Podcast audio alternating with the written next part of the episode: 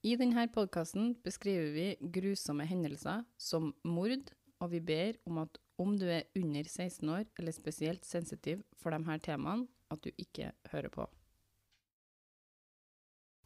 Ønsker du å fotografere ungene dine før jul, ta kontakt og bruk kodeordet 'en liten pause' og få 20% avslag på din fotografering i dag. 20 det er mye penger! Ønsker du å fotografere Jeg må tisse, jeg, så, så kan jeg gå og tisse.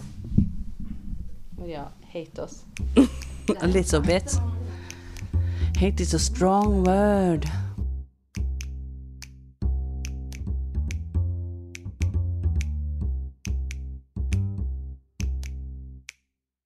Hei, hei, alle sammen.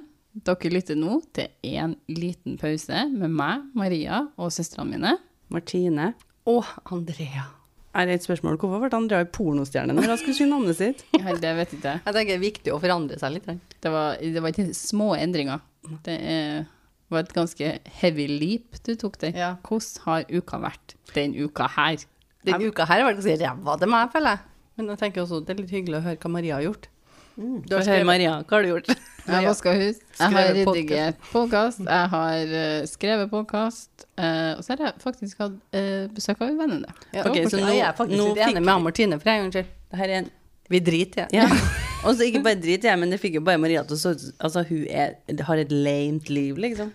I have no life. Var det Ja. Du trenger jo ikke å si det. Jeg satt og leka med ideen om å gå, begynne på noe sånn skolegreier igjen. Oi! Oi! Ja. Det her var nytt. Det her er helt nytt. Og så bare tenkte jeg Så sa jeg til Martin enten så er det podkast, eller så er det videreutdanning. Så her har jeg et eh, tøft valg å gjøre. Så det her blir pollen neste uke. Ja, det er, sant. det er helt sant. Jeg, satt, jeg sitter og tenker på det. Men jeg tenker jo sjøl, altså om ett og et halvt år så bor jo jeg i Spania. Så da er det enten til meg Spania eller podkast. Ja, men det er jo ikke et vanskelig valg. Det er ganske Det er enkelt. podkast. Oh, we are so funny. The funniest ever. Men Maria, jeg har et spørsmål til deg. Ja, få høre. Hva handler dagens episode om, Maria? Den eh, handler om forsvinninga av ei 14 år gamle jente i Australia, i Rockhampton, i 1998. Jenta sitt navn er Natasha Ryan. Skal vi bare starte? Jeg syns du sier det navnet som om vi vet hvem det er. Nei. Tasha Ryan? Nei. Hun heter bare det. Flere av kildene mine forklarte at pappaen til Natasha brukte å kalle henne Grasshopper. Hun brukte å dra på eldrehjem på julaften og tilbringe tida si med de eldre i juletida. Natasha forsvinner etter at hun ble sluppet av på skolen den 31. august i 1998. Hun blir sluppet av av mammaen sin. Hun gir henne en klem og sier 'jeg elsker deg' til mammaen sin, men hun blir aldri registrert som ankommet på skolen. Bankkontoen sto urørt, og ingen av eiendelene hennes var borte. Så det var ingenting som tyda på At jeg stukket av. av. Natasha hadde tidligere det året rømt hjemmefra to ganger. Det er de verste. Siste gangen med kjæresten sin. Altså siste gangen hun har rømt, var med kjæresten sin. Kjæresten var en fyr som het Scott Black, og han var 21 år gammel. Oi! Det er jo seks år gamlere, det. Sju. Sju. Sju år gamlere. Og han jobba som melkemann. For på det tidspunktet her i Australia hadde de fortsatt melkemenn. Men det skal sies, når jeg bodde i England, Så hadde dere melkemann, da? Så hadde vi melkemann, ja, da. Ja. så, eh, og det er veldig sjarmerende, vil jeg si. Ja, det vil jeg si. Han Scott, kjæresten, fikk ei bot på 1000 dollar fordi han sa seg skyldig i å hindre politiet i deres arbeid etter den siste rømminga. Så når han rømte siste gangen, så har han hjulpet. Så når han rømte, når jeg har rømt, ikke Ja, når jeg har Men han, han var ikke villig til å hjelpe politiet med å finne henne da, den Nei, gangen. Han var vel sammen med henne, tror jeg. Ja, ikke sant. Scott forklarer at han hadde hjulpet henne i å rømme fordi hun trua med å ta selvmord om han ikke gjorde det. Natasha sine foreldre hadde akkurat skilt seg, og hun sleit med å godta det. En artikkel fra The Age forklarer at fordi Natasha hadde rømt hjemmefra to ganger, så tenkte politiet først at det her ikke var så veldig ille. Det hadde nok ikke skjedd av Natasha noen ting. De tenkte i hvert fall ikke i de baner at hun hadde blitt drept. Det er de verste. Men ja, jeg føler ikke at ikke blir... at de det litt sånn som å rope uh, ulv, ulv. Så Ja, men uh, det er Så så det. synd at politiet ikke tar det seriøst med Jo. en gang. Fordi bare fordi at de har klart å Jo, men har du rømt, da? Så tenker jeg at tredje gangen så er det jo sikkert rømt igjen. Ja, Ja. det er som regel sånn de tenker, da. Men jeg syns fortsatt at det er liksom dem som får minst oppmerksomhet når Ja, de de- faktisk forsvinner. Vi kikker jo litt på bakgrunnshistorie her, og da, jeg skjønner jo at politiet gjør det. Tre dager etter forsvinninga så forteller bestevenninna hennes derimot at hun så henne utafor en kino. Ebony, bestevenninna, forteller videre at Natasha da hadde hinta til hun om at hun hadde tenkt å rømme igjen. Ja, riktig. Jeg syns helt seriøst at det ikke skulle hatt noe å si på etterforskning når unger forsvinner. Videre forklarer den artikkelen her at politiet beskrev Natasha som en trøblete ungdom. Hun hadde blitt utvist fra skolen, og hun hadde prøvd en del rusmidler. Hun hadde skåret over armleddene på et tidspunkt som gjorde at de tenkte at hun bar tegn på at hun lidd under en dep depresjon. Kjæresten Scott påsto hardnakka at han ikke visste hvor hun var. Men ifølge artikkelen til The Age så tok politiet og putta overvåkning på han i flere måneder etter at han og Natasha forsvant. For de stolte ikke helt på han Scott her. Etter hvert så ble letinga mer intensiv, og over 100 frivillige fra beredskapen i staten var med på å lete etter Natasha. De ga opp helgene sine og tida si for å lete etter henne. Selv om politiet i starten hadde sine reservasjoner på om det her egentlig var en forsvinning, eller om Natasha egentlig bare hadde rømt hjemmefra. Etter hvert så forandra leteaksjonen seg. Fra å være en leteaksjon etter ei forsvunnet jente, til å bli en leteaksjon for å finne kroppen hennes. For etter hvert tenker de at det må ha skjedd henne noe. I 1999 blir en Leonard Fraser arrestert. Så et år etterpå. Hold fast i stolene deres, for uh, he's a little fucker. Han blir arrestert i forbindelse med drapet og voldtekten av ei ni år gammel jente i Rockhampton-området. Det er jo Det er jo skyldig, tenker jeg. Ta han, ja. Australian. jeg vi var litt snille mot han. Ja, jeg syns det. go for it. Go to fucking town, Ja. sier jeg bare. ja Jo, men det? Men det kommer mer om en, sjø. Ok. Australian Missing Person-registeret forklarer at den 22. april i 1999 var Keira Steinhardt bare ni år gammel på vei hjem fra skolen, når et vitne ser en mann følge etter henne over en parkeringsplass. Mannen tar igjen jenta og slår henne i hodet. Oh my god, det her er jo På åpen gate? Hvorfor er ikke han her inne i fengsel? Ifølge Courier Mail så var det vitnet her hjem til seg sjøl når hun så det. Eller han så det, for jeg vet ikke om det er en dame eller en mann. Og tok 20 minutter til å ringe til politiet. Men brukte de 20 minutter på å se den personen? Nei, hun brukte 20 Jo, minutter. nei, vet du, hun så han, og så tenkte jeg, vent litt, jeg må jobbe meg opp på at jeg ser at denne personen slår en unge i hodet, og så må jeg jobbe meg opp til å ringe politiet og si, det er noen som slår noen i hodet. Ja, sto, rett og slett litt sånn her, jeg vet ikke hva jeg kikka på. Nei, det sto på, på engelsk her, og det sto 'build up the courage to call the police'. Så jeg vet Ja. ikke om hun her eller han her er kriminell i seg sjøl. Nei, så hun litt sånn, Jeg vet ikke om jeg vil blande meg inn. Ja. Men jeg tenker når det handler om en ni år gammel unge, eller en unge generelt Du ser en unge, bli mishandla. da, da driter du i hvem du er. Ja. Da ringer du. Da ringer du. Da sier du fra. Da sprenger du ut, og så slår du han i hodet. Så det tar to, 20 minutter da, før denne personen ringer inn. Og imens hadde han Lenny her, da, han Len Leonard, han som han kalles da Lenny, tida til å få Keira med seg inn i bilen sin og stikke av. Nettopp. Riktig. Så ring.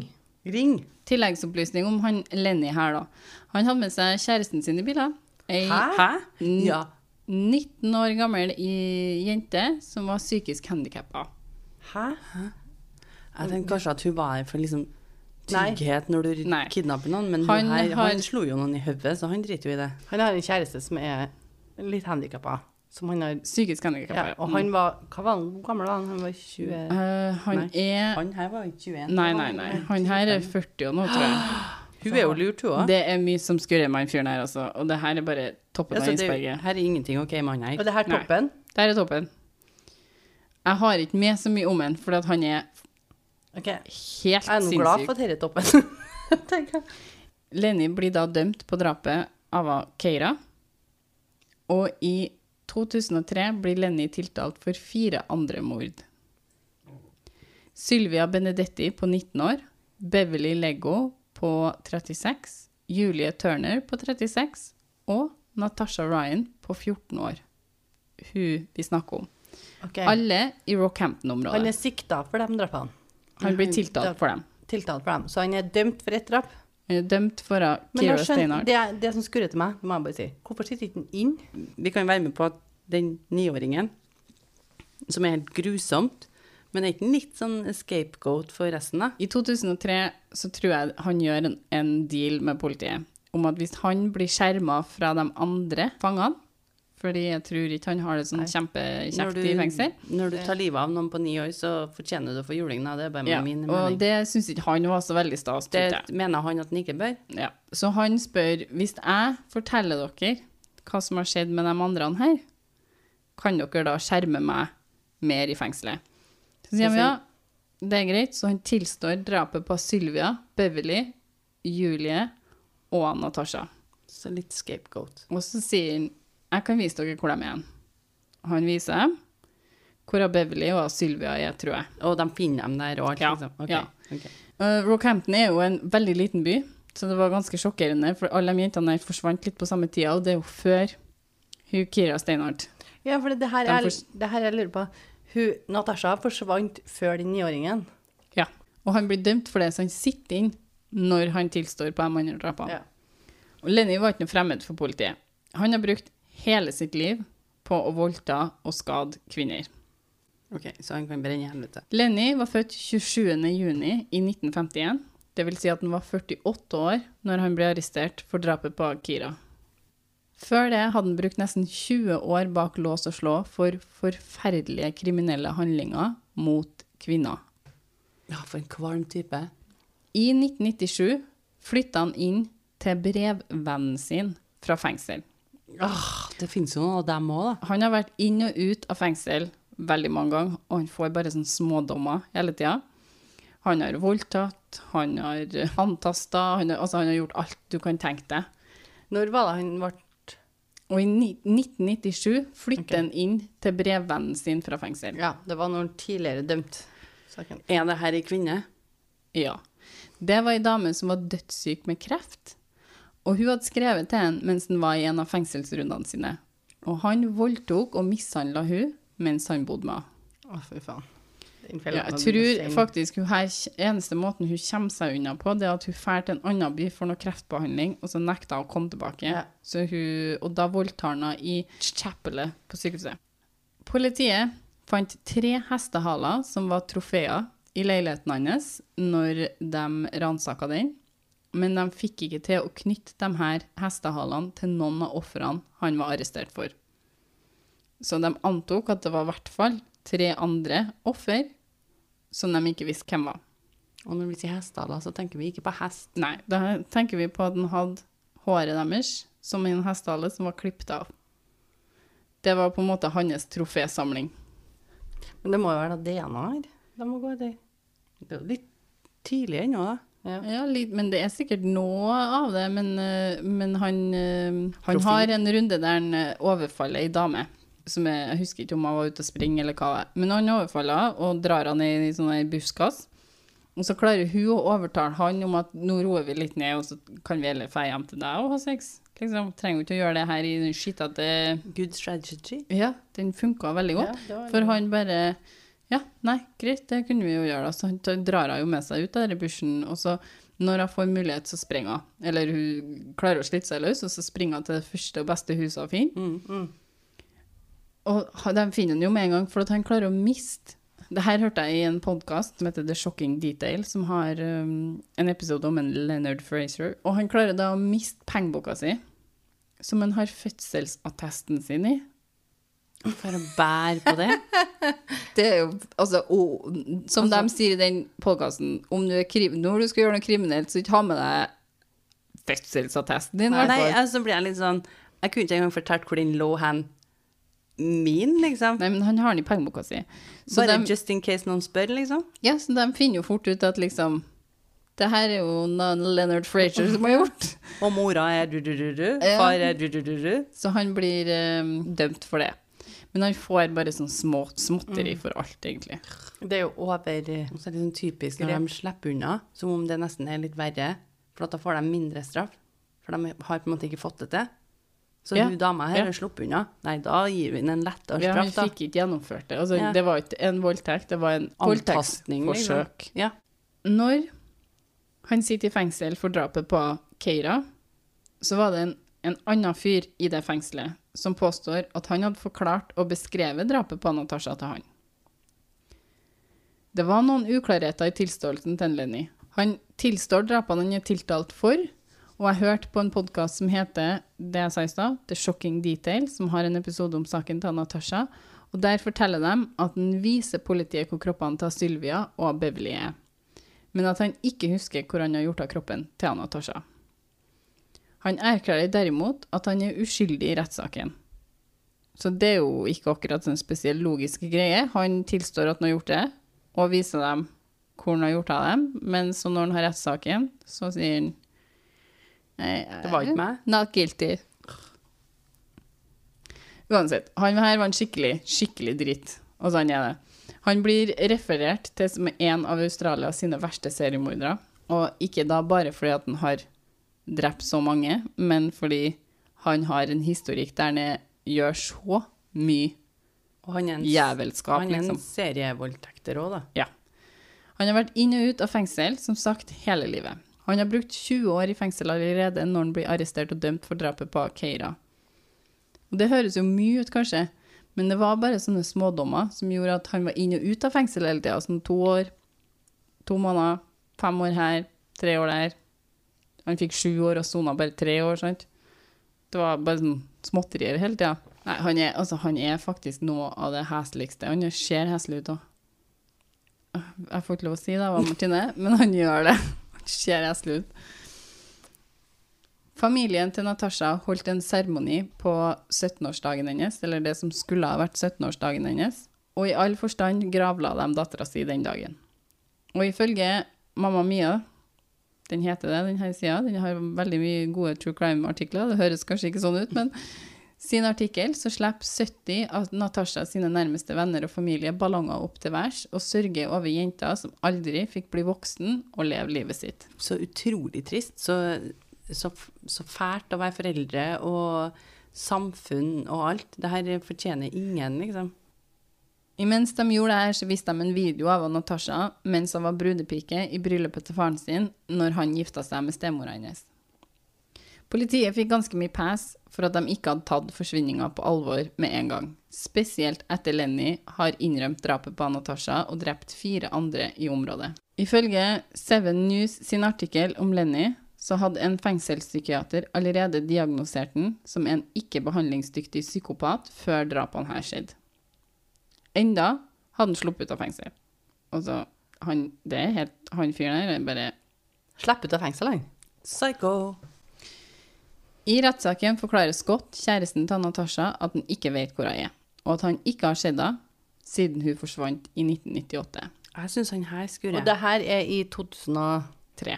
Jeg synes han, han, han, han her blir brukt litt sånn Han her eh, Leonard, som egentlig fortjener det, blir sånn scape... Altså, sånn bare brukt Gjør som- meg ingenting om en Lenny blir dømt for det drapet. Nei, nei. Nei. Det, det er greit nok. Jeg er helt enig med dere om det. Jeg syns det er okay. skikkelig dumt at folk bruker energi og politigreier bare på å liksom si Han Ja, gjorde det. Men han er sånn trofékar. Han tror jeg tenker I'll Ja. take that one as well. Ja, liksom. han er litt sånn Det går Ja. fint. Jeg tar ja. hun i samlinga. Ja. Men det er det jeg tenker, det er så tull.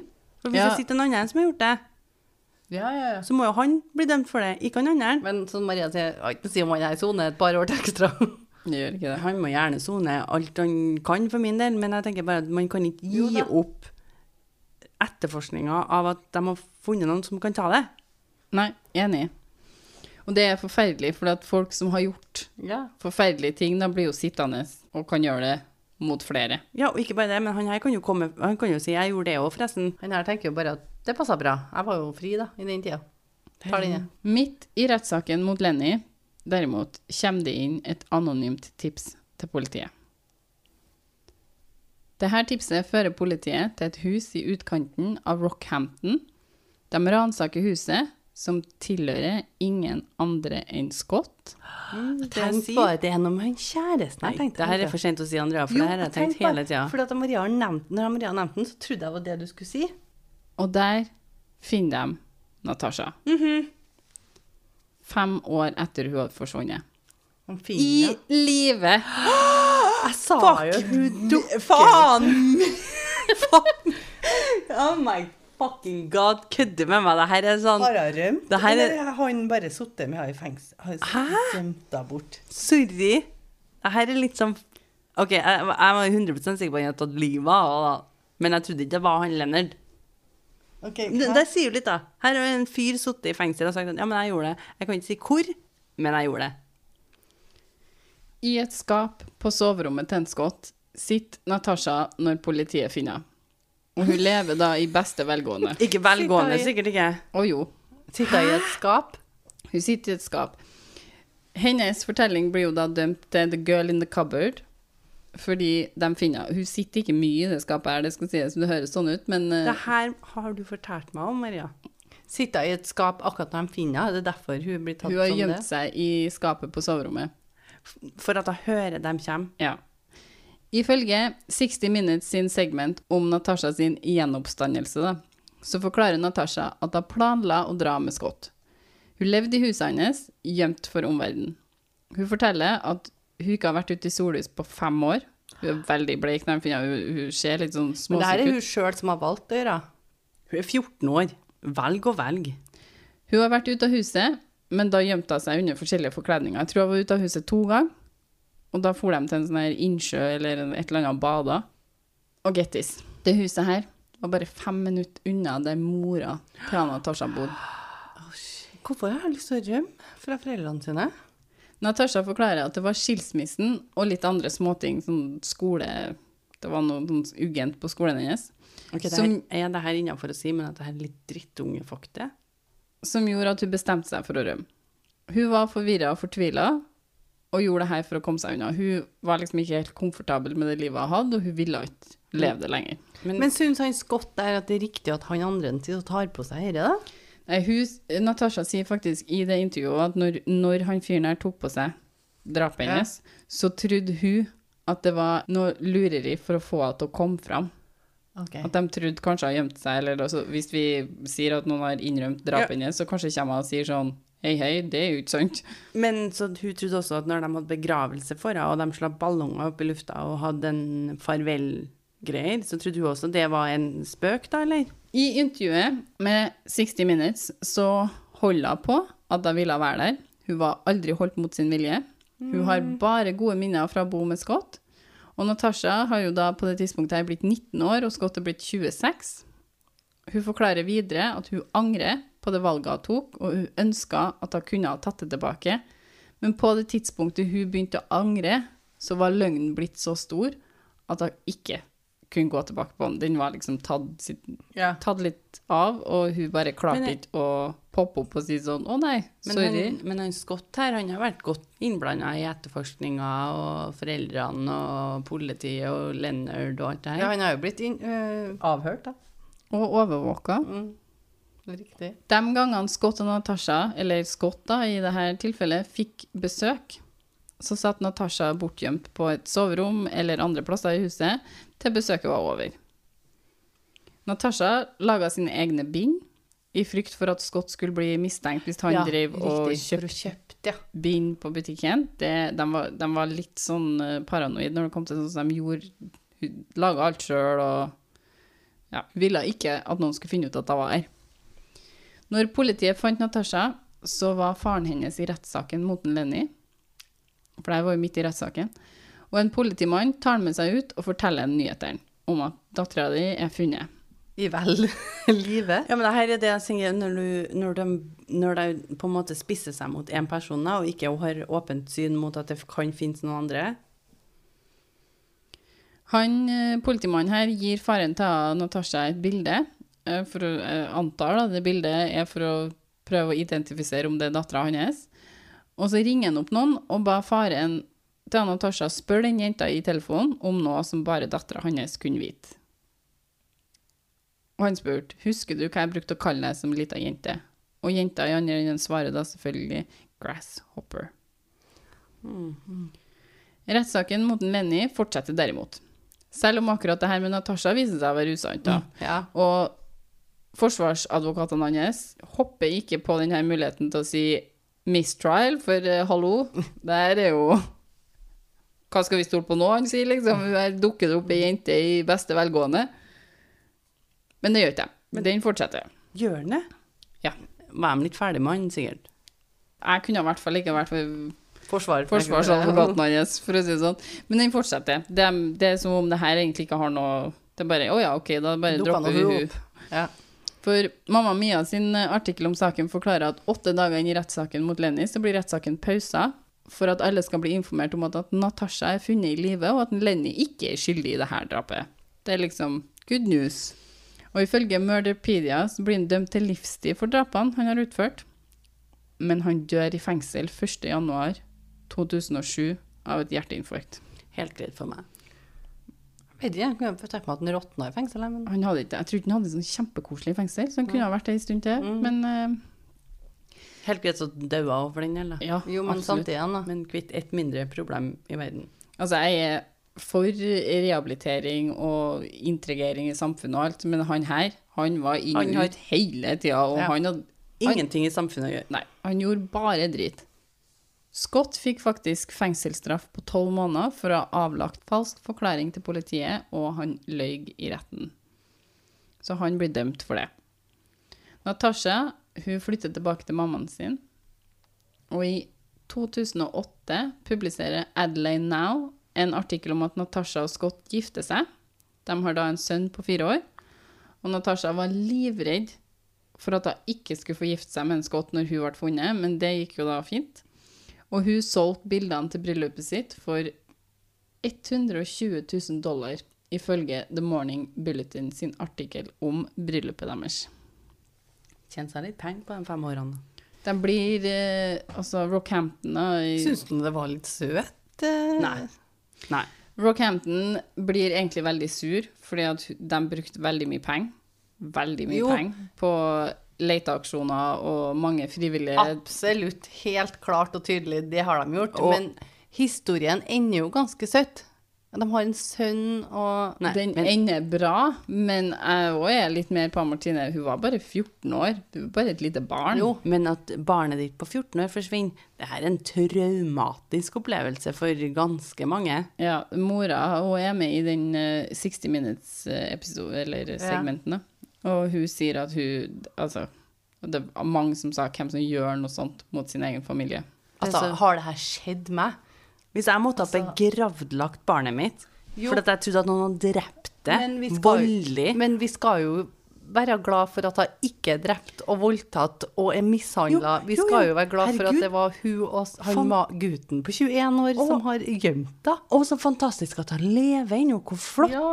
Herregud, Det fantastisk. Men ikke greit. Men hun har en sønn på fire år. Vi skal jo ikke være, altså, tenker, Nei, ikke være sur Det er ikke på greit. Ingenting er greit med det her. Det virker som om jeg er veldig glad i en skott. Tviler ikke på kjærligheten de har dem imellom.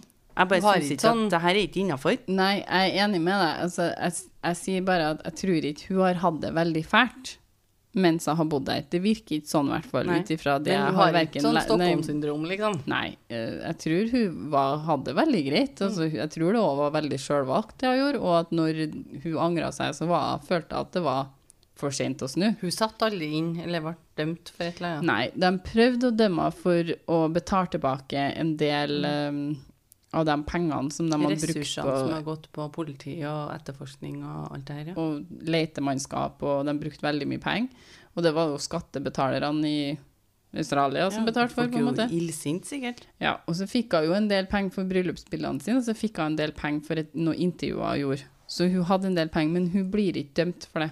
Men vi skal jo være glad for at han ene der fikk eh, ikke råtna i fengselet, men han fikk nå i hvert fall Ja, han Lenny Det der, altså, det, han kunne man sikkert skrevet en todelt episode om, for at han gjør så mye rart. Ja. Men eh, Og han, herregud, han fortjener ingenting godt her i verden. verden. Maria. Du setter ikke fokusen på han, Mm. du setter fokusen på hun 14-åringen som ikke fortjente å bo i et hus uten å skjelle dagslys på fem år. Det, du, det er jo ingen som har sagt at jeg har bodd der uten vilje sjøl. nei, men jeg syns en 14-åring vet ikke sjøl Nei. hva som er Nei. godt for seg. Nei, men en 21-åring gjør ikke det heller. De Jo. har jo gravd seg Jo. i grav her som de ikke kunne komme ut av. Men i utgangspunktet, er, så, altså når hun er 19 og han er 26, så er ikke aldersforskjellen like stor, eller den er jo akkurat like stor sånn Da, aldersmessig, syn- men, men da er jeg litt på Martine, da. Da syns jeg han begynner å bli ganske stor. Nei, da er de jo nærmere mentalt i alder, tenker jeg, når du er 19 og sammen med en 26-åring. Men eldre han blir, må han jo skjønne hvor gære dette her er. Jo, men jeg mener at en 21-åring er fullt kapabel til å forstå at den ikke kan rømme Ja. med en 14-åring. Jo, Maria, jo, jo. jo. Men jeg tror vi kan være enige om at det å ta med seg en 14-åring og rømme ikke er greit. Da er du et barn, og du Ja. skal ikke Ja. være i hjem til Det noen er- andre og bo der. hadde jeg funnet ut at min 14-åring bodde fem minutter unna meg, og jeg hadde begravlagt den ungen min, hadde kommet til å være jo. livet. Men eh, som hun sier sjøl, at det er hun òg. Hun Ja. vil jo Ja, bare- du sier det, men der må, det er jo der jeg er sånn her, men når du er 14 år, Ja. klarer du da å se for deg hvor store Men jeg- ringvirkninger et sånt valg er? Jo, og, men jeg trodde at hun kom til å få noe døm, dom for det. Men det fikk hun jo Nei, tydeligvis hun ikke. da. fikk ikke noe dom for det. Hva skal hun dømme henne Nei, for? jeg vet det. Da gjenstår det bare å si vi høres til lytterne våre. Vi høres. Vi høres. Følg oss gjerne på Instagram. En liten pause. Der legger vi ut litt uh, informasjon rundt episodene våre når de kommer ut. Og Vi vil gjerne, ønske gjerne deling. Ja, det setter vi pris på. ja, vi legger òg ut litt om oss sjøl, eller og litt småting som ikke er med i podkasten vår. Uh, vi har også mail, hvis du heller vil gi oss tilbakemelding eller tips om saker på mail, som er En liten pausepodkast at gmail.com. Sammenhengende. OK. Ha det. Ha det.